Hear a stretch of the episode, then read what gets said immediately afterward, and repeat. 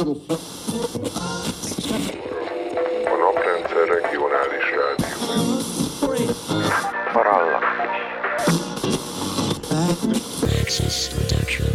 Csak nem a parallaxis. Benne a. Hi, this is Chase Masterson from Star Trek Deep Space Nine. This is Parallaxish.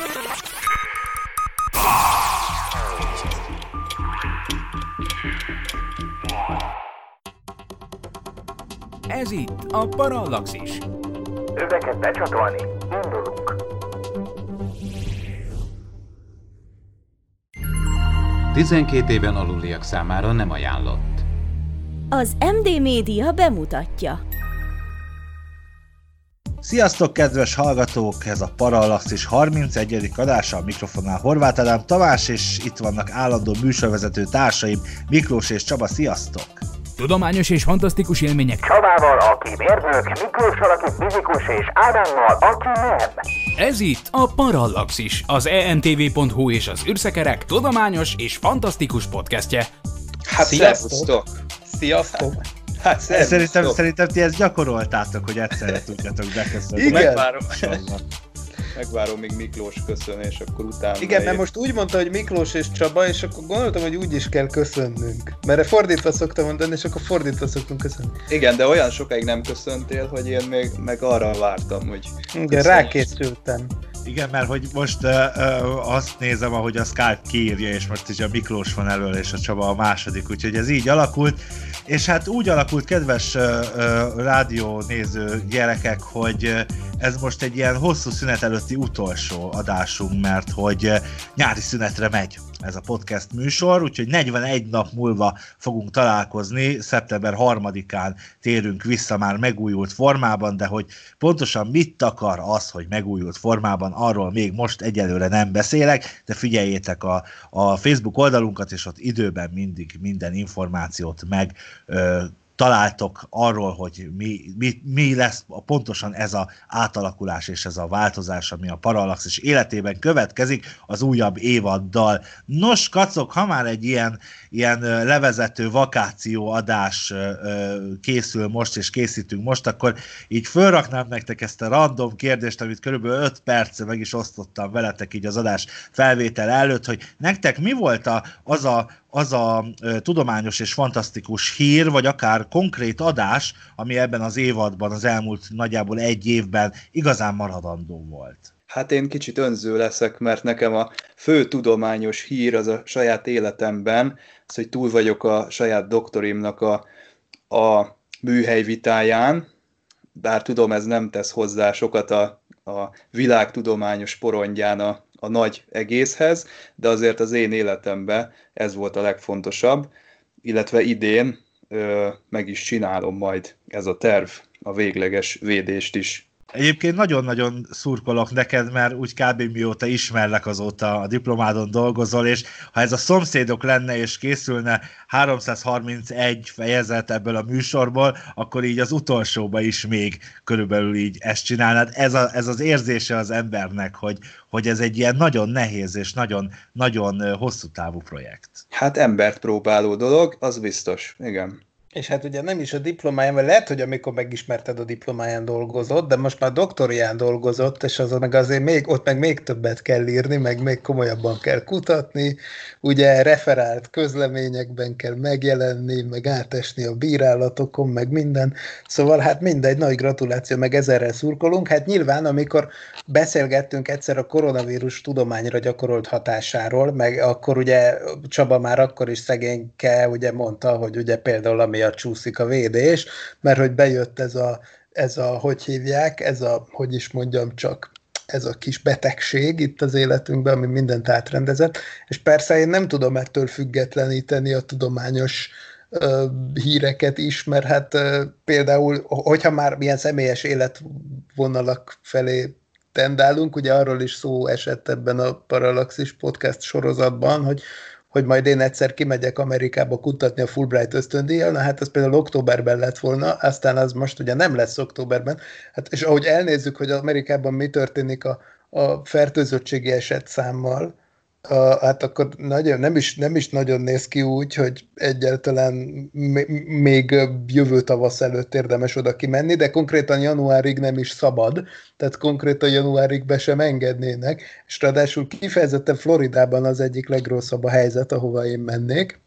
Viszont tudományos áttörések szempontjából inkább az volt az érdekes, amit úgy néztem közelről, hogy például azok a srácok, akikkel a szokolébresztőt együtt csináljuk, ők, ők most ezekben a percekben is éppen Csehország, amikor ezt a műsort felveszünk, akkor Csehországban vannak, és egy műholdba szerelnek bele egy kicsi érzékelőt, egy, egy gamma érzékelőt, a gamma sugárzás fog mérni, és arra fogják használni, hogy távoli csillagok, csillagrendszerekből jövő gamma felvillanásokat tudjanak vele pontosan meghatározni, hogy merről jön. Persze ehhez sok ilyen kis műhold kell, de mindegy. A lényeg az, hogy ezt az én haverjaim, a Werner Norbi és a Pál Andris, meg még sokan mások persze csinálták, és most történik az úgynevezett integráció, hogy beleszerelik a műholdba, és ha minden igaz, akkor az a terv, hogy ennek a startját majd meg fogják nézni, meg akkor lehet, hogy pont akkor leszek én is Floridában, és az a terv, hogy azt én is meg fogom majd nézni, és majd akkor például onnan közvetíteni is fogunk tudni, az azért elég menő lenne.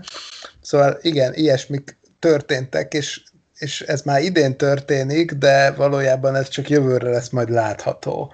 Szóval ez mindenképp egy izgalmas dolog lesz és javíts ki, ha tévedek, de, de ebben, ebben a projektben az, az a jó e, a, a egész emberiségnek, ha nagyon-nagyon távoli gammasugárzást és nagyon apró gammasugárzást kell érzékelnie ezeknek a műszereknek, igaz?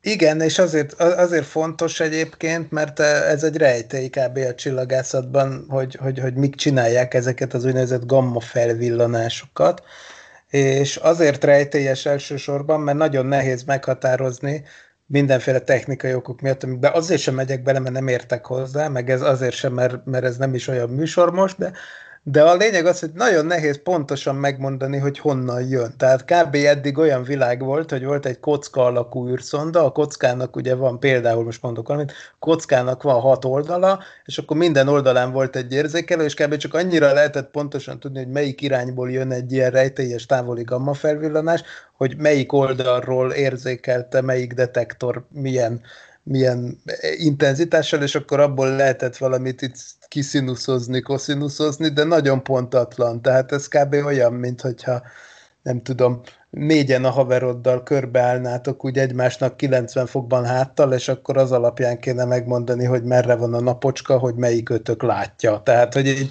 így ne, de tehát érezzük, hogy ez nem az a pontosság, ami a csillagászathoz kell, de majd, ha sok-sok ilyen pici műholdon lesz, sok-sok ilyen érzékelő egyszerre, abból már úgy együtt jobban össze lehet majd rakni a képet, és ez az ötlet. És mondjuk mi volt, melyik volt az az adás, ami, ami a legemlékezetesebb volt uh, számotokra ebben az évadban? Én, én lelövöm, hogy, hogy nehogy nem maradjon nekem, én a creepy adást szerettem a legjobban. Uh, mielőtt Miklós ezt így bemondja, de a, de a Csernobilos adás is nagyon maradandó volt, amiről ugye a hallgatók nem, nem tudom, szerintem nem tudják, hogy gyakorlatilag jóval-jóval korábban kb. a sorozat lezárásakor fölvettük, de csak hónapokkal később került nyilvánosság elé ez a, ez a műsorunk. De az egy nagyon izgalmas téma volt, azt nagyon-nagyon élveztem. Nekem a, a zenés adás volt a kedvencem, mert az annyira más, mint amikről úgy nagyjából szoktunk beszélni, bár ugye nem szeretünk magunknak se kereteket felállítani, de az úgy kitört egy kicsit abból a szokásos filmnézős, meg tudomány elemzős ö, légkörből, és volt egy olyan adásunk, ami nem tudom, hogy melyik adás, de érintőleg az önvezető autókról is beszélgettünk, itt ugye Night Rider-t érintve, és hogyha nem a, a saját ö, doktori tevékenységemet citáltam volna ide be, akkor én azt mondanám, hogy engem ez érdekel a, a legjobban, bár nem űrkutatás, meg nem ilyen nagyon csillagászati léptékekről van szó, de én azt figyelem, illetve ezzel kapcsolatos videókat nézek, illetve ezt próbálom nyomon követni, hogy ez az önvezetés ez hol tart, és hogy mit tudnak a mai autók ebben a témakörben letenni. Engem ez nagyon érdekel, és ez, ez is rohamosan fejlődik. Hát nekem meg azt hiszem most így utólag, és már megint a koronavírusra utalok vissza, az idei, azaz 2020-as első adás, ami ugye új év másnapján, vagy valahogy így került adásba, hogy január legelején, amikor összeszedtük a kedvenc világ vége forgatókönyveinket, és akkor a, a, annak az egyike volt a világjárvány, ami akkor még sehol se volt, vagy hát valahol már volt Wuhanban, ugye, de nem nagyon foglalkoztunk vele, és akkor valahogy aztán az, az kb. pont úgy megvalósult, mint ahogy arról beszéltünk, és akkor meg jót röhögcséltünk arról, hogy milyen lenne egy ilyen, hogy hogy, hogy, hogy átalakulna a társadalom, meg hogy otthon kéne maradni, és ez milyen, izé, milyen, milyen science fictionbe illő, illő forgatókönyv, és aztán vicces volt tapasztalni, hogy három-négy hónappal később meg már ebben éltünk. Hát a Mert hogy ott felsoroltunk ilyen világpusztító dolgokat, és akkor Igen. benne volt igen, attól tartok, és az egyike volt a világjárvány, de hát a, neked is, meg a hallgatóknak is ajánlom, hogy hallgassátok vissza. És egyébként igen, Ádám, a viccest, azt úgy idézőjelben mondtam, de olyan szempontból tényleg érdekes volt, hogy az ember milyen gyorsan tud alkalmazkodni valami olyasmihez, relatíve, amit né, vagyis hozzászokni az ember, hogy milyen rugalmas ilyen értelemben az emberi agy, hogy valami olyasmiről néhány hónapja még azt hitte, hogy ez nem is lehetséges, az aztán a hétköznapok részévé válik egy kettőre. Valószínűleg az önvezető autóval is amúgy ugyanígy lesz. Igen, és én azóta is, mivel hogy a vírus miatt én nem tudtam elmenni még mindig autóvezetésre, ezért én továbbra is nagyon várom, hogy, hogy egy gyorsan, gyorsan elterjednek az önvezető autók. Igen. Azért mázlink van talán azzal, hogy nem egy zombi apokalipszis köszöntött ránk, mert azért abban szerintem beletört volna az emberiség bicskája. Tehát azért itt mit gondoltok akkor egy zárójelben, ha úgyis aktuális gyakorlatilag ez a téma egész évben, mit gondoltok, hogy, hogy azért reagálta le csak így az emberiség, és ennyire, nem azt mondom, hogy félvárról vette, de sok olyan ország, vagy sok olyan hely volt, ahol azért azért nem, nem, talán nem a kellő komolysággal álltak a témához.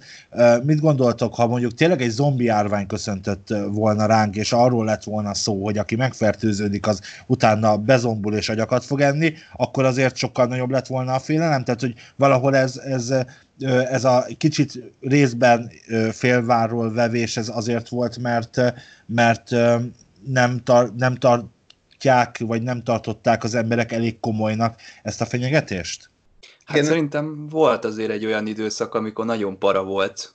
Ez is. Igen, az emberek még máig ott tartunk szerintem a 21. században, hogy amit nem látunk, attól nem félünk annyira, ami persze röhely, mert hát mindenki tud arról, hogy léteznek vírusok, de valahogy ez egy ilyen például, vagy akármi ezernyi mini bigyó, ami megölhet minket, vagy rossz dolgot okozhat, vagy jó dolgot de valahogy egyszerűen az emberi agy az mégiscsak arra egyződött évszázezer év, éveken keresztül, hogy, hogy vizualizálni tudja a gonoszt, tudod, amitől félni kell, egy állatot, vagy valamit, amitől el lehet bújni, a mumust, vagy valami, ami elől be lehet menekülni a barlangba, és, és még úgy látszik, hogy még egy halálos vírus, vagy ahogy a, visszautalva a Csernobilos adásra, ugye a röntgensugárzás is olyas valami, amiről ugye az emberi agy az tudja, hogy létezik, meg minden, de ott is komoly, ha, komolytalanul vették ott is, a, a sorozat egyébként nagyon megmutatta, ugye, hogy a, az orosz, meg ukrán emberek, meg katonák, akik ott voltak, úgy csináltak, hogy ugyan már, ugyan már oda megyek, fölveszem azt a grafit darabot a tetőről, és odébb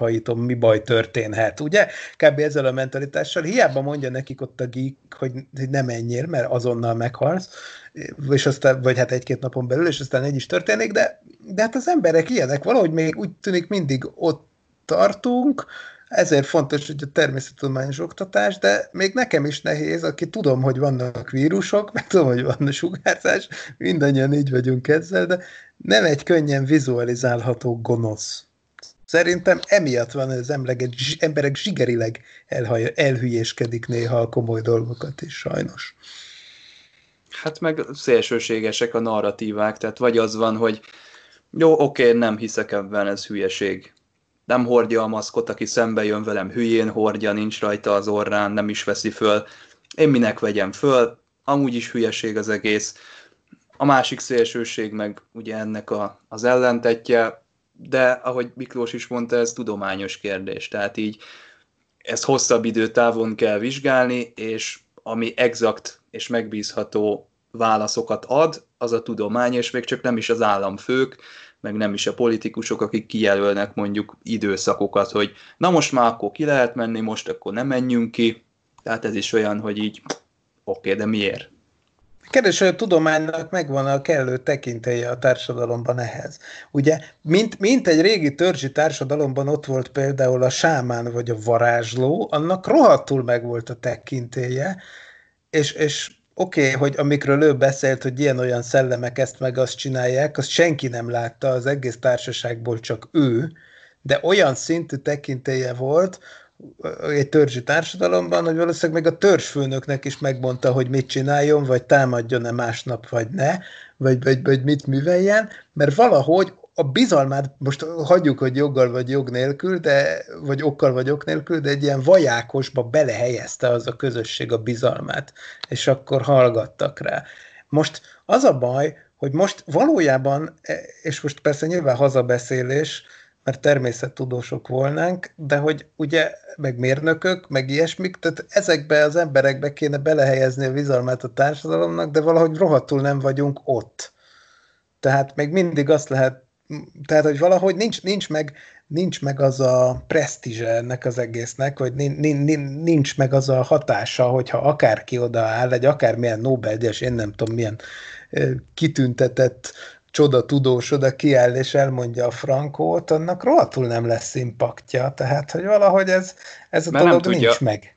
Tehát ő nem tudja megfogni úgy az embereket, hogy mint egy politikus, hogy most ez van és kész. Tehát a tudomány az nem mondhat ilyet, nem mondhat megalapozatlanul dolgokat, nem mondhat ki olyan állításokat, amiket nem, nem mért fel, nem készültek róla tanulmányok, és nem, nem futott át sok szűrőn keresztül. Tehát ő, ő nem fog tudni mondani hangzatos információkat például a koronavírussal szemben. Fog tudni mondani ilyen-olyan statisztikákat, meg most úgy tűnik, hogy az eddigi adatok elemzéséből az szűrhető le, hogy, de azért nem tudja olyan jól oda tenni magát, mint egy jó kis influencer, hogy olyan széls, igazán szélsőségesen megfogni ezt a dolgot, és az embereknek a zsigeri érzékeire hatni.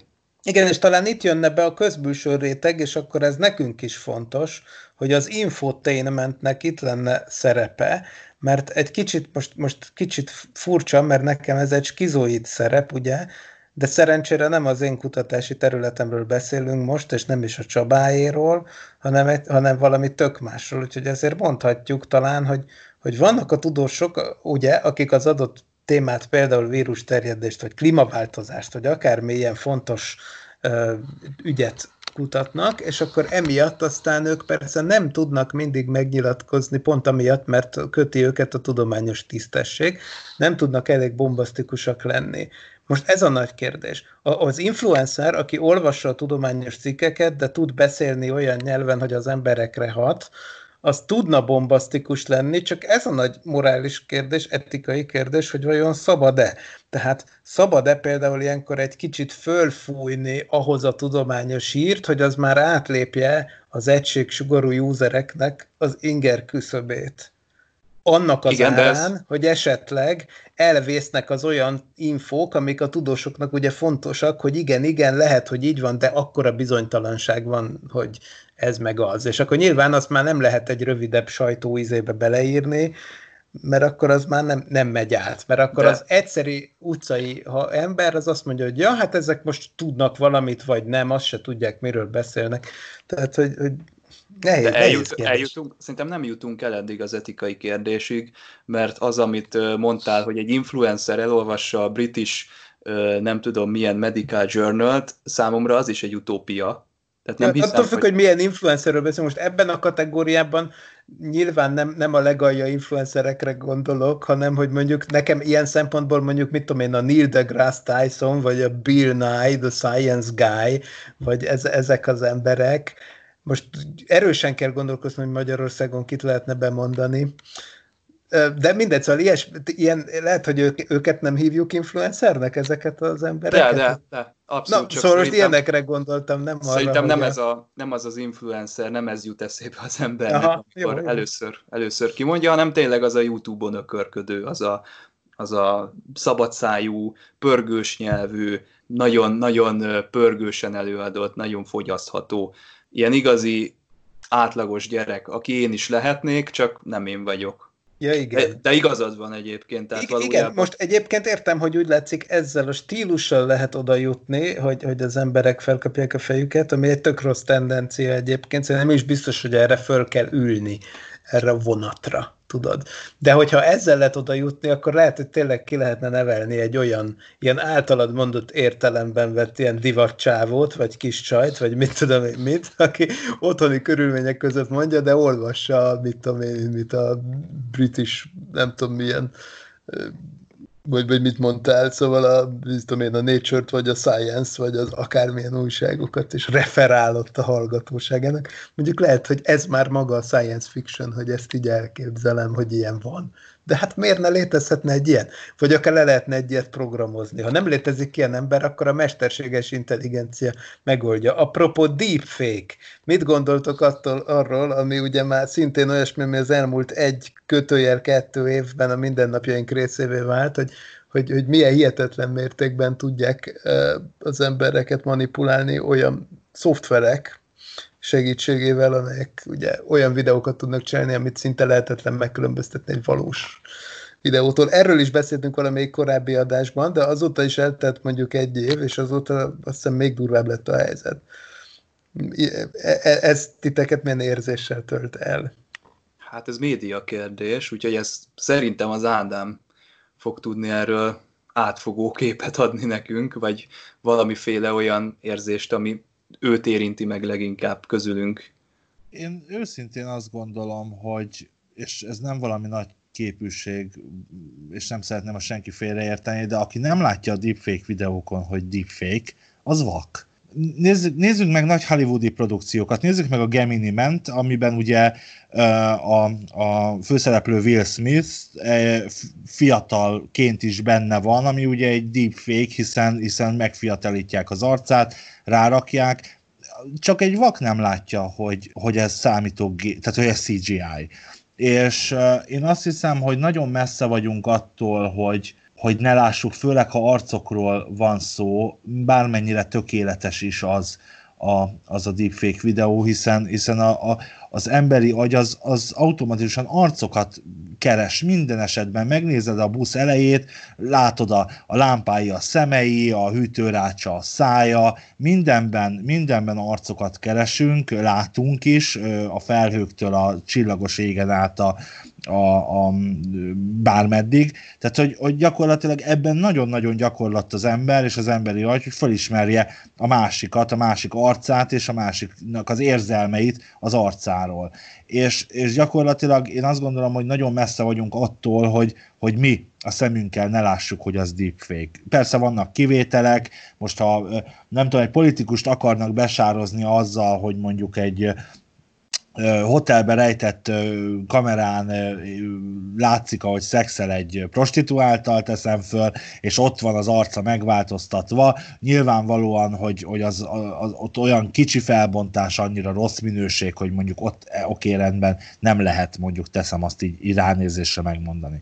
De azt gondolom ezzel együtt, hogy, hogy ott szerintem sosem fogunk tartani, hogy a mesterséges intelligencia, maga a technológia nem mondja meg, hogy az deepfake videó. Tehát, hogy, hogy eh, ahogy, ahogy a, a, a deepfake fényképeknél, vagy, vagy eh, hamisított fényképeknél, átphotoshopolt fényképeknél is nagyon-nagyon egyszerűen eh, megállapítható az, hogy, hogy bármennyire profi munka is, hogy, hogy hamis vagy igazi, ugyanúgy a, a deepfake videóknál, és annak idején, amikor nagy divatja volt a, az UFO észleléseknek, és, és e, nyilván akkoriban még, még a technológia sem tartott ott, sem az, hogy deepfake videókat hozzunk létre, sem az, hogy megállapítsuk, hogy igaz vagy hamis, de hát azért rendre fölvetette a, a, a kérdést, hogy hát azért ez elég nagy hamisítványnak tűnik, tehát hogy azért vannak nyomai egy fényképen, egy videófelvételen annak,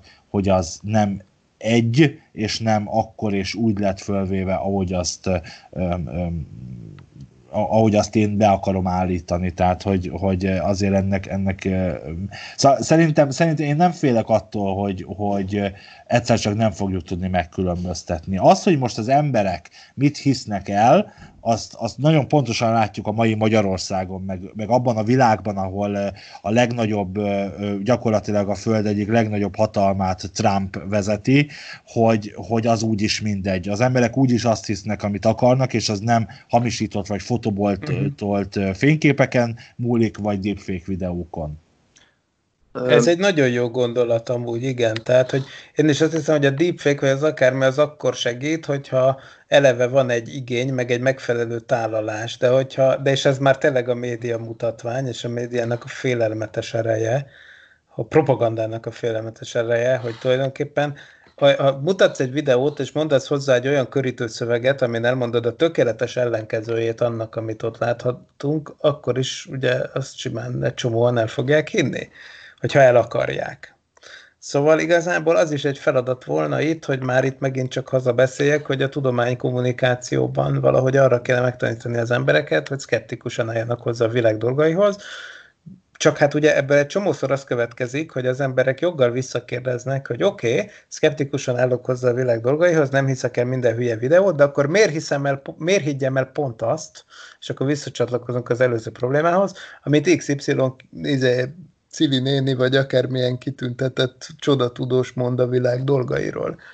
Ugye? Tehát ez egy nehéz dolog, hogy, hogy ez, és ez a mostani létnek egy nagy kérdése, meg dilemmája, hogy nyilván már nem értjük a világot, amiben élünk egészen a hétköznapi szinten se. Tehát a Csabát leszámítva szerintem, aki egy mérnök hármunk közül, nem sok gőzünk van arról, hogy hogyan működik pontosan például, mit tudom én, egy mikrohullámú sütő, vagy akármi, amit rendszeresen használunk nem is beszélve a telefonokról, meg ilyenekről.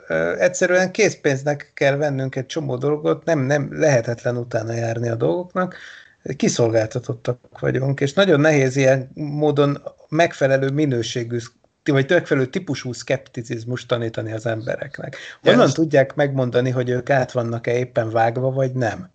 amikor mindannyian tök vagyunk a bonyolult világhoz. Hát azt valószínűleg senki nem fogja mondani magáról, hogy hú, engem tökre átvert most ez a hír, vagy hogy én, én engem mindig becsap a, a, a fake news. Tehát ez, se, ez senki nem változott, fogja. Változott valami mondjuk Galilei kora óta? Tehát, hogy gyakorlatilag most Miklós, amit elmondtál, és most, hogy ez szabadba vágtam, Csabi, de amit Miklós elmondtál, hát gyakorlatilag semmi nem változott. Most is ugyanúgy nem értjük a világot, mint akkor nem értettük a világot, csak az információ áramlás, ami, ami gyorsabb Igen. és nagyobb. Hát ez igaz, de most ez meg a mesterséges elég. világot se értjük.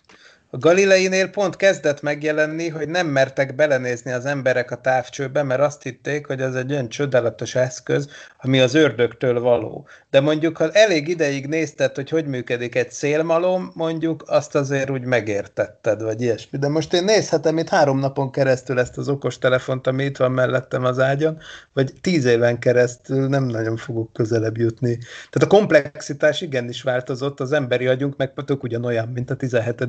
században, ez igaz?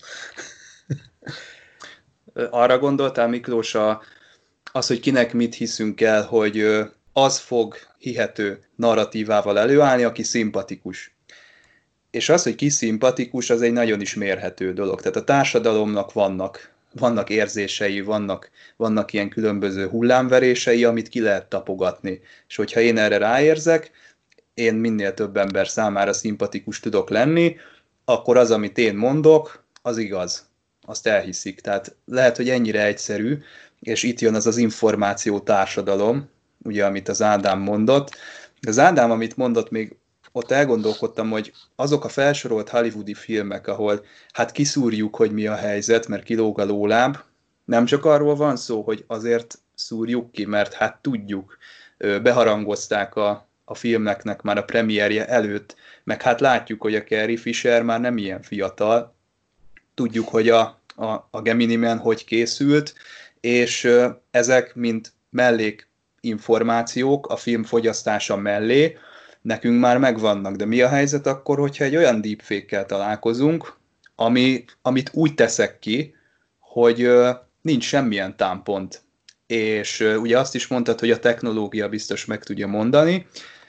Ezzel kapcsolatban ugye nem tudom, hogy működik egy ilyen felismerő technológia, hogy magát a fotót elemzi pixeles valamilyen mm, módszerrel, vagy pedig nagy adatbázis alapján átnézi, hogy hát ez a fénykép ez bizony ilyen nem létezik, mert hogy erről a sztárról, vagy erről a politikusról én ismerem az összes fotót, az összes rendezvényt ismerem, az ismerem az most idézőjelbe egy nagy mesterséges intelligencia, akinek rálátása van egy hatalmas adatbázisra, tehát ő tudja, hogy milyen rendezvényeken volt ez az ember világ életében, mikor jelent meg, ilyen egyszerűen nem volt, tehát ez egy kizárásos logika. Bocs az el, előző fényképelemzés. Tehát nem, nem, egy, nem egy emmi mondja meg. Ma, ma, manapság már megmondják, de most az, hogy most mennyire adatbázisból, mennyire nem, ott, ott inkább egy hogy a tanuló algoritmusoknak a tanulási folyamatánál esetleg ö, ö, el tudom képzelni, és hogy nyilvánvaló, hogy, hogy, hogy, új, hogy megtanítják arra, hogy,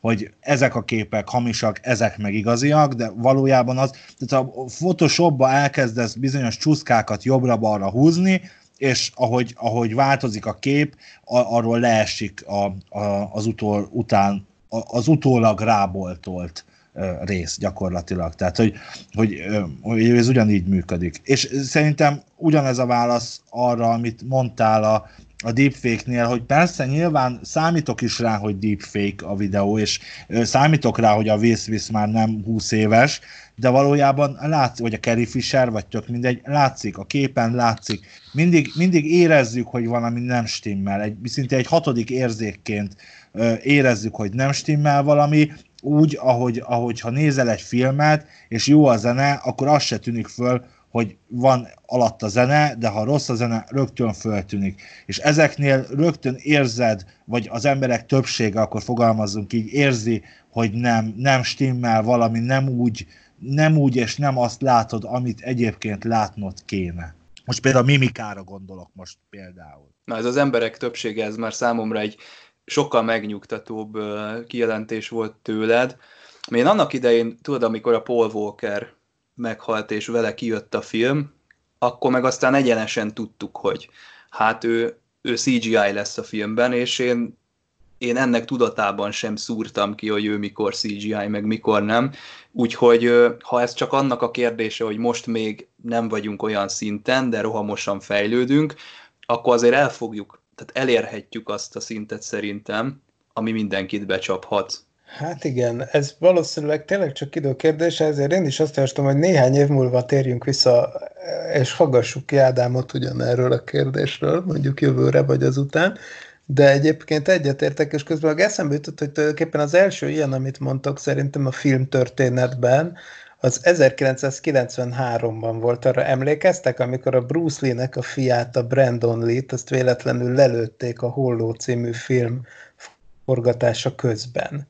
Tudod, Ádám, amikor mi iskolába jártunk, akkor ennek a filmnek a plakátja ott kint volt a falon, a lépcső mellett. Úgyhogy Igen, én és pont ezt tudtam. a példát akartam felhozni és hogy már akkor is valami kezdetleges CGI meg egyéb technikával egy másik dublőrnek az arcára rámontírozták a csókának a fejét, csak hogy érdekes, hogy ilyen értelemben ez a dolog, oké, okay, nyilván a minőség azóta rengeteget fejlődött, de hát ez nem is annyira új, hiszen ezek szerint már bizony majdnem 30 éve lassan már ilyesmik történnek a filmiparban és hát az meg már csak idő meg pénz kérdése, vagyis hát ami akkor rohadt drága volt, és csak egy-két hollywoodi cég tudta megcsinálni, vagy konkrétan egy, a George Lucasnak a cége, az Industrial Light and Magic, úgy ahogy, az, az, az meg most már tudja egy app.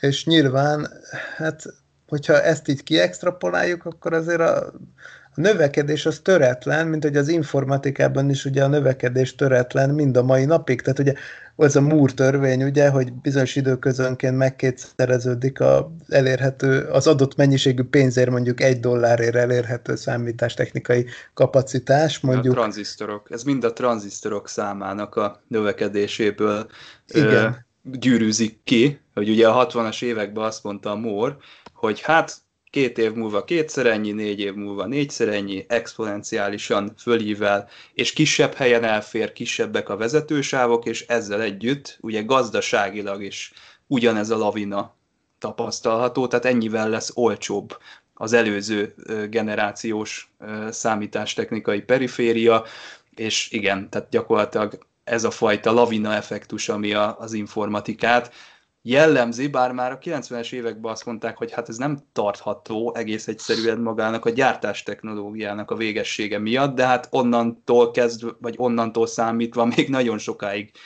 ment ez a dolog. És még mindig megy az a döbbenet. Tehát igazából van ennek persze egy fizikai limitje, például a fénysebesség, ugye? Tehát, hogy annál gyorsabb procit nem lehet csinálni, mint, mint a, tehát, a, mint, tehát szóval, hogy nyilván van egy mérete méretlimit, ugye egy, tehát valami atomi vagy molekulányi méretnél kisebb pro, izét, tranzisztort nyilván nem lehet csinálni, meg az meg nem tud annál gyorsabb lenni, mint amennyi idő ahhoz kell, hogy a fény átérjen az egyik egy, egy ilyen izének az egyik végéről a másik végére, mert a fénynél nagyobb sebesség nincs. Tehát ilyen botegyszerű szabályok alapján azért persze lehet tudni, hogy, hogy előbb-utóbb ez a görbe is tetőzni fog, de azért még ettől eléggé messze vagyunk. Hát és igen, de azt szerintem minden, amiről ma beszélünk, az visszavezethető a a tranzit, tehát minden a tranzisztornak a hibája, ez az információs Igen. robbanás, a deepfake, minden, amit eddig ma az önvezető autó, nincs ma olyan topik, ami ne emiatt lenne, hogy ebből jön minden innováció, minden, amit ma magunk körül látunk, az technológiailag ez a, ez a forrása. Hát igen, és akkor ez tehát egy óriási forradalom volt. Vajon, vajon történik mostanában is ilyesmi?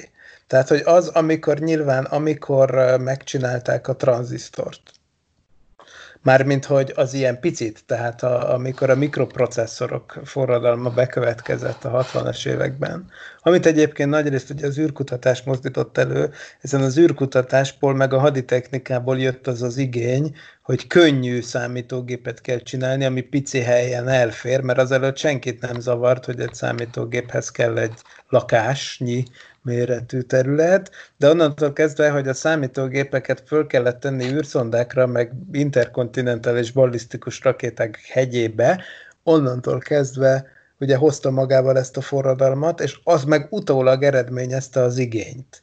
Tehát, hogy utólag eredményezte azt a társadalmi tehát azelőtt a társadalomnak gőze nem volt arról, hogy kéne neki internet, vagy CGI, vagy akármi, vagy, vagy mit tudom én, passziánsz, vagy, vagy mi. Tehát, hogy, hogy nem volt ilyen igény. Influencerek. Igen, influencerek, igen, köztet igen, mind, minden, minden. Meg fognak lincselni, jobb, ha tudod. Hát nem baj, akkor is legalább tudod, majd, majd legalább uh, így forog a név. szóval a, szerintem a kvantumrobbanás. Tehát, hogy az, Na, az igen, pillanat, ez van most, ugye? A, igen, és, de, de az a pillanat, amikor, amikor a kvantum számítógépek úgy elterjednek, mint ahogy most teljes mértékben elterjedtek a minden a, a normális számítógépek. Laptopokban, mobiltelefonokban, tehát amikor a, az, hogy, az, hogy ö, ö, a, a kvantummechanikát segítségül hívjuk a, a számítási feladatok elvégzéséhez, és ezt a hétköznapi életben is megtesszük, abban a pillanatban az lesz, az lesz egy, egy ilyen, de szerintem csak hasonló, hasonló ö, ö, ö, robbanás, vagy egy hasonló olyan dolog, ami, amit, amire most te célzol. Tehát mondjuk, nem tudom, szerintem ahhoz, ahhoz minimum az kéne, hogy egy ilyen, tényleg egy ilyen nagy, megint egy ilyen nagyon nagy ugrás és egy nagyon nagy fejlődés, igazán nagy fejlődés következzen be, az tényleg az, hogyha a vulkániak 2063-ban leszállnak Montanában, tehát hogy mondjuk egy földön kívüli intelligencia valós kézzelfoghatóvá válik számunkra, hogy nem vagyunk egyedül, és nem is az, hogy nem vagyunk egyedül, hanem mondjuk tényleg mondjuk ide, ide jönnének és, és technológiát adnának, az, az lenne. Tehát én most így, így nem, nem látok, nyilván egy csomó mindent az ember nem tud és nem ért hozzá, de, de ezen az idővonalon, amiben, amibenről most beszélünk, én nem látok egy olyan, olyan hatalmas nagy, olyan ö, ö, tényleg mérföldkövet és fordulatot, mint ami a számítógépek megjelenése, a, a, a miniaturizáló technológiának a, a, a, a fejlődése és a, és a hétköznapi életünkbe beszivárgása volt. Tehát azt, hogy most a mi fiatal korunkban nekünk nem volt mobiltelefonunk, sőt egymást hívtuk vezetékes telefonon. A, a, a, csókolom, Ádám vagyok, Miklós otthon van, hogy odaadjam a, a leckét mondjuk. Ma már hát egy komplet számítá, számítógépet hordunk a zsebünkben, és az, hogy telefonálni tudunk rajta, az, az a funkció a legkevesebb, ami, amit tud az internet és, a, és, a, és az információ áramlásnak ez a, ez, a, ez a fajtája és ez a módja, ez, ez abszolút jelen van az életünkben. Mi fiatalkorunkban nem volt jelen, de ettől én ezt nem érzem akkora akkora ugrásnak, nem érzem akkora ugrásnak, hogy most egy ilyen kör, körömnyi SD kártyákon tárolunk szinte több terányi adatot akár, biztos, hogy vannak már ilyen SD kártyák, miközben, miközben régen le, fizetni kellett plusz 50 forintot a videótékában, nem, nem tekerted vissza a kazettát. Tehát, hogy, hogy én ezekben nem látok akkora ugrást, amekkora mondjuk a számítógépek elterjedése volt. Igen, mert itt világos a cél, csak egyre jobbak lesznek a kütyük, ugye? És ott meg az volt a varázslat, hogy a társadalom, amit mondtam is, hogy a társadalomnak nem is volt ötlete arról, hogy mire lehet használni, hanem egyszerűen ugye nyilván számítógépet ért csinálták, hogy differenciál egyenlet rendszereket oldjanak vele meg. Konkrétan rakétapálya számításokat. És akkor valakinek eszébe jutott, hogy ezt mennyi mindenre lehet használni. Játszani és akkor, lehet vele. És akkor ez a science fiction. Tehát valahogy a science fiction meg egy csomószor csomószor megsejti ezeket előre, és akkor most eszembe jutott egy másik kedvenc adásunk az évadból, amit csináltunk, számomra kedvenc, ami ezt vizsgálta ugye, nem is olyan rég, hogy a science fictionben megjelenő dolgok, az, azok hogyan valósultak később meg. Tehát valószínűleg az, az is egy nagyon fontos inspiráció, és nagyon illik egyébként a, a parallaxisnek a filozófiájához, hogy, hogy a science fiction képes nem létező problémákat kitalálni. Tehát nem létező problémákat, és akkor arra létező megoldásokat javasolni. Múltkor egy, egy, egy bölcsész barátommal beszélgetve került elő ez a mondat, és azt mondta, hogy az egyetemen járt science fiction specire, irod, irodalmi kurzusra, és mondta, hogy ott azt az érdekes definíciót adták a science fictionre, hogy a science, vagy nem is definíciót, csak jellemzést, hogy a science fiction az olyasmi, ami vagy nem létező problémákat akar megoldani létező eszközökkel, vagy létező problémákat akar megoldani nem létező eszközökkel. És hogyha legalább, e kettő közül legalább egyiknek teljesülnie kell ahhoz, hogy science fictionnek tudjál valamit bekategorizálni. És ez nagyon hasonló ez... ez, a, ez a leírás egyébként magához a tudományhoz. Tehát, hogyha te tudományosan akarsz valamit leírni, akkor vagy egy olyan módszert alkalmazol, ami még nem létezik, és eléred mondjuk ugyanazt az eredményt, csak a te módszered az egyszerűbb, jobb, olcsóbb, jobban elérhetőbb mindenki számára, vagy egy olyan célt érsz el, ami már meglévő módszereken alapul, de az a cél, az még nem lett elérve. Igen. Jó, jó, hogy mondod, ez jogos. Igen.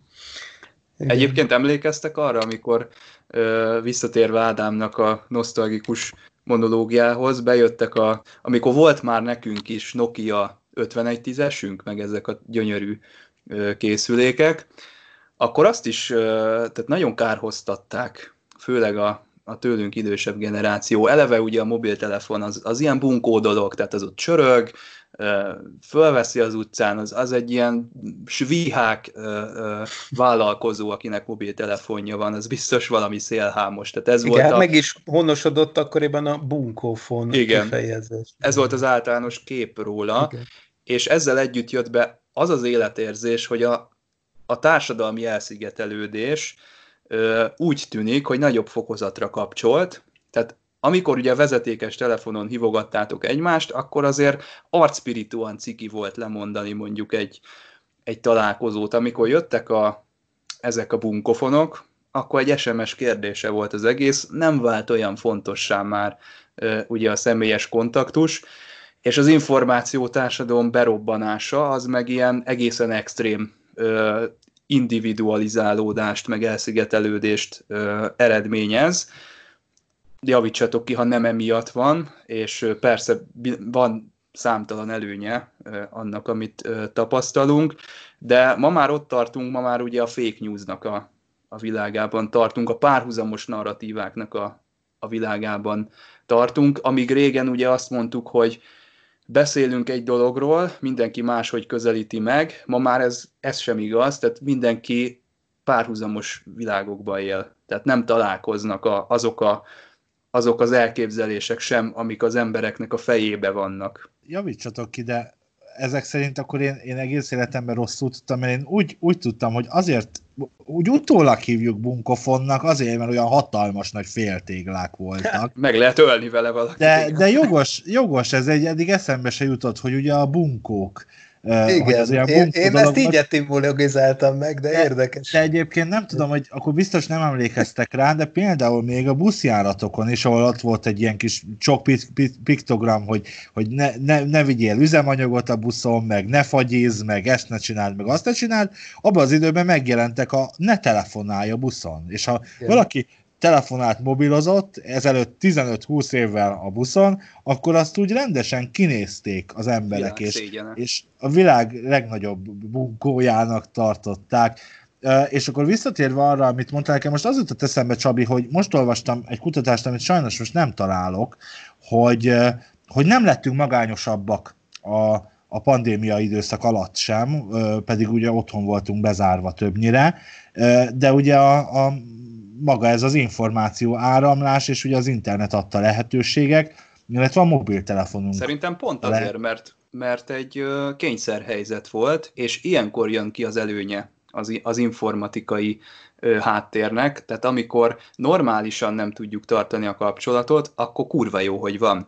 De akkor, amikor ugye konkrétan emiatt döntünk úgy, hogy nem találkozunk, nem megyünk közösen programokra, akkor meg azért nem olyan előnyös. Tehát ezt is szerintem ilyen helyzete válogatja. De nem, de nem lehet, hogy ez csak ez egy ilyen evolúciós dolog, most nem a rendes evolúcióra gondolok, hanem erre, az, erre a speciális evolúcióra, hogy ez ugyanaz most, Csaba, ha akkor számoljuk össze, hogy mi hányszor találkozunk élőben, vagy akár Miklós, még, még nagyobb a kontraszt, és hányszor beszélünk online, akár írásban, akár nyilván itt a műsor felvétele ö, során. És nem mondom azt, hogy ne találkoznánk többet, teszem azt, ha nem adatott volna meg ez a lehetőség, hogy online tartjuk, tartjuk a kapcsolatot, de de nem a, de hogy, hogy vala, tehát az okokozat ebben az esetben az, az nem feltétlenül ennyire igen, ennyire fekete vagy fehér. Nem akartam így, így teljesen elkárhoztatni ezt a dolgot, viszont ettől függetlenül szerintem probléma, és súlyos Szerintem az a fő súlyos probléma, hogy egyrészt az tök jó, hogy tényleg bejött az, hogy le tudtunk mondani találkozókat, mert azelőtt lehetett ilyen random embereket várni, látni az aluljáróban, akik nézegetik a, a karórájukat, mert akkor meg karórát is hordtak az emberek, buta karórát, ilyen ember most már egyébként egyre kevesebbet látni, és akkor ott szobroztak fél órán, egy órán keresztül, aztán elmentek, és nem lehetett sehogy se elérni őket. Tehát ugye látunk ilyet Viszont azt is láttuk, hogy ezek az emberek utána sétálgattak az utcán, és gondolkoztak és, és egyszerűen valakit nem lehetett elérni, az, az oké, okay, az bizonyos esetben szívás, más szempontból meg tök előnyös. Tehát, hogy például mi írtunk egymásnak leveleket, de például ugye aztán volt, hogy napokig nem is kommunikáltunk, például ismerősökkel, vagy ilyesmi, vagy néha volt egy telefon, de hát az meg drága volt, de ebből meg egy kicsit az is következik, hogy oké, okay, az interakcióink azok teljesen másmilyen struktúrájuk voltak, de talán épp ezért talán, talán lehet, hogy több idő jutott önálló vélemény kialakítására, meg, meg jobban, talán jobban megbecsültük azokat a kommunikációs lehetőségeket, amik voltak. Most ez egyáltalán nem a régen minden jobb volt kategória, mert a másik oldala meg az, amit mond, mondasz, hogy oké, okay, hogy akkor gyakrabban találkoznak szem, személyesen, ha ez nem lenne. Ja, bocs, vagy nem, mert akkor az egész létre se jött volna, mert meggyőződésem, hogy például ez a, ez a Parallaxis podcast, vagy akármi, eh, hogy, hogy mi így elkezdtünk együtt dolgozni, ez, ez egyszerűen nem is alakult hatott volna ki egyébként, hogyha nem lenne ilyen online kommunikáció, és nem csak azért megy online, tehát ha papír alapú újságot írnánk, akkor is, tehát egyszerűen megint az volt, hogy utólag hozta az igényt a lehetőség. Tehát ugye nem fordítva történt. Megszűnt mert, a... mert egyébként az Ádámot ismerem gyerekkorunk óta, de mit tudom én, 20 évig nem találkoztam vele egyáltalán, aztán elkezdtük csinálni ezt a műsort, és akkor meg azóta meg igen, tehát akkor most ne, ne áltassuk magunkat azzal, hogy, hogy amúgy meg akkor többet találkoztunk volna személyesen, mert pont, hogy nem. Úgyhogy, úgyhogy furcsa kétélű dolog. Én azt hiszem, hogy azért az mindenkinek tök jó lenne, hogyha lenne lehetősége, vagy arra, hogy, hogy, hogy mondjuk tartson valami kütyümentes hetet néha. Tehát olyat, hogy teljesen elmegy olyan helyre, ahol nincsen wifi. Szerintem vagy, vagy izé nem visz magával telefont. Nekem most már egyre inkább érzem, hogy volna igényem valami ilyesmire. Úgyhogy most hát, ha sikerül nyaralni, elmennünk, azért ez nem egy egyszerű dolog mostanában, de én kifejezetten örülnék, ha olyan helyre mennénk, ahol nincs wifi például. Igen, de azért a manapság a mai világunkhoz azért mindig születnek olyan cikkek, amikben napokra, hetekre, vagy akár hónapokra valamilyen újságíró megválik a kütyűitől, és próbál buta idézőjeles buta életet élni, mert hogy régen minden jobb volt, és hogy jobb volt-e. De, de nem csak arról van szó, hogy nem, hogy nem feltétlenül arra van szükség, hogy hiszen most már így élünk, és nem feltétlenül arra van szükség, hogy, hogy tartsunk kütyümentes hetet vagy napot, vagy tök teljesen mindegy, hanem arra, hogy, a, hogy azok, azok az interakciók, ami, amire te is céloztál, Miklós, hogy a strukturálisan ö, ö, megváltozott ez a dolog, ott, ott abba a saját felelősségünket is, vagy a saját magunkat is hozzáadjuk. Tehát, hogyha azt, azt mondom, hogy nekem nem muszáj abban a pillanatban válaszolnom az üzenetre, amikor az megérkezik a Facebookon. Tehát én arra válaszolhatok később is. Tehát, hogy, hogy az, azt, a, azt a saját magunkba kreált elvárást, hogy erre a másik azonnal választ akar, azt uh-huh. egy mhm. kicsit elengedjük, és, és persze most nem, nem fontos dolgokról beszélek, meg nem arról beszélek, amikor tényleg fontos, hogy, hogy mert olyan, olyan dologról van szó, hanem amikor csak nem tudom, Csaba ír a közös csetünkbe, hogy ő írt egy cikket és erre nekem nem feltétlenül kell azonnal válaszolnom, nem azért, mert utálom a Csabát, hanem azért, mert, mert ez nem egy olyan dolog, erre válaszolhatok később is, mondjuk akkor, amikor leülök a számítógépem elé, vagy leülök a, a WC-re, mert ugye ezt csomóan ott használjuk a legtöbbet a mobiltelefonunk, mobiltelefonunkat, szóval, hogy és akkor, akkor az ember válaszol, nem csak erre, másra is. És nem kell rögtön azonnal válaszolni mindenre. Tehát, hogy a, a saját magunk gondoljuk át az interakcióinkat. Nem? Vagy, vagy nagyon hülyeséget mondok? Ez nagyon fontos faktor, biztos. Ez a megfelelni másoknak a vélt elvárásainak, csak aztán lehet, hogy az nem vélt. Tehát lehet, hogy valaki látja, hogy te láttad az üzenetet, és nem reagáltál, és akkor az azt gondolja otthon, hogy micsoda bunkó. Vagy nem gondolja azt, csak te attól félsz, és ez egy ilyen kényszerhelyzet, és ez ez, ez, ez ilyen ördögi kör, tudod? Én Mert lehet, hogy a két kommunikáló közül egyik sem gondolja ezt, és mind a ketten tök happy lennének azzal a dologgal, amit most mondasz, és akkor most így, akkor most így coming out hogy én is ilyen vagyok, tehát hogyha valaki látja, hogy én láttam, akkor az nem jelenti azt, hogy én azonnal választ várok, tehát most nyugodtan engem meg lehet váratni ilyesmikkel, kivéve, hogyha életmentési helyzet van. De Szerintem ez ugyanolyan az van. priorizálási kérdés, ami, Igen.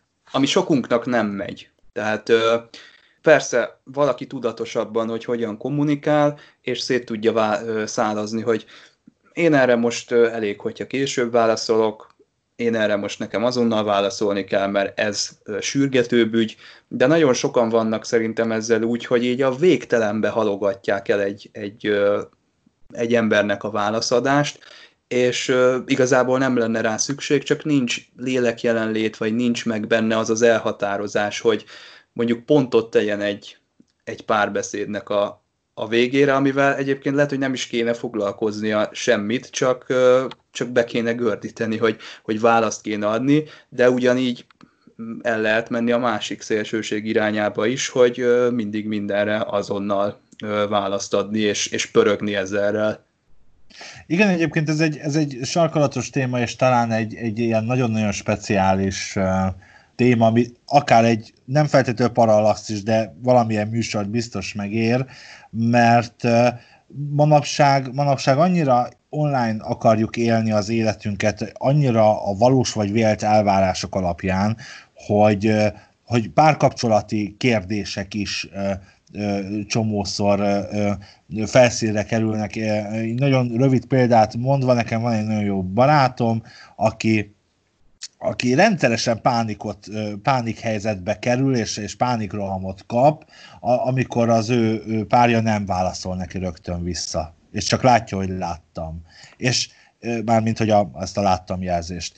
És, és én így mindig szétteszem a kezem, hogy de hát miért kéne rögtön válaszolnia, vagy miért, miért szűrjük le az emberek online jelenlétéből, vagy online viselkedéséből az, hogy most attól ő nem haragszik rád, hogy nem válaszolt rögtön. Hát nem ér rá, vagy, vagy bármi. Tehát, hogy, hogy, hogy azért, azért ehhez a...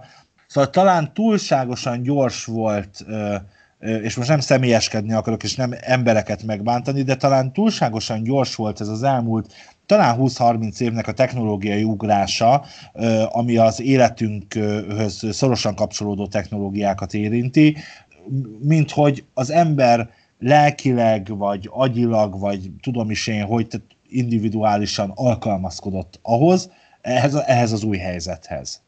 Nagyon tanulságos az, hogy ilyen szabad foglalkozásként indult ez a műsor, és ide jutottunk a, a kommunikációhoz. Nem véletlen szerintem minden ö, eszmefuttatásnak itt van a vége a, a kommunikációnál és az információ átadásnál. Ez napjaink társadalmának a, a legnagyobb kérdése, ez hordozza a legnagyobb veszélyeket, és ebből tudjuk kivenni a legnagyobb előnyöket is. Ez ma az információ ma egy, egy a mai, hát nem tudom, kőolaj, vagy aranybánya, vagy, vagy nevezzük annak a sokadik erőforrásnak, amik, amiken világok állnak. Hát igen, és azt hiszem, hogy ez egy gyönyörű zárszó volt, mert hát ennél több pontosabban nem lehetett volna megfogalmazni, hogy miben élünk, meg mitől félünk, meg mit remélünk. Úgyhogy abszolút, abszolút így van, és még azt a kiegészítést tenném hozzá, hogy az Ádám által említett ugye nagy quantum leap beláthatatlan következményei, Quantum és, leap és, az, az inf- és az igen, és az informát... Mondtatok valamit? Csak trollkodtam.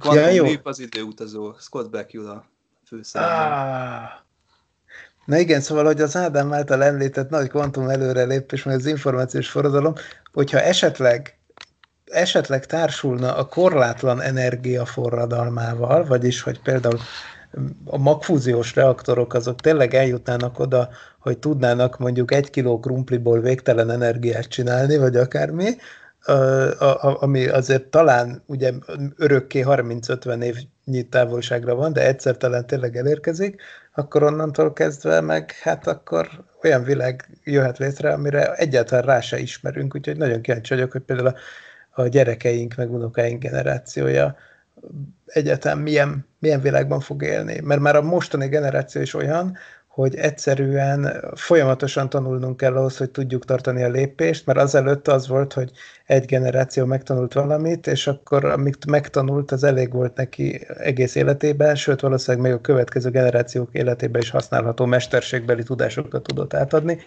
De hát most már teljesen másról van szó, teljesen más, hiszen évente jelennek meg új dolgok, amiket folyamatosan meg kell tanulnia mindenkinek. Úgyhogy ez is nagyon más lesz, és érdekes, és egyre inkább ilyen. Úgyhogy jó lenne, hogyha majd jövőre is tartanánk egy ugyanilyen beszélgetést, és látjuk majd, hogy merre alakulnak a dolgok. És hát ezzel véget ért a mai adásunk, a 31. Parallaxis Podcast.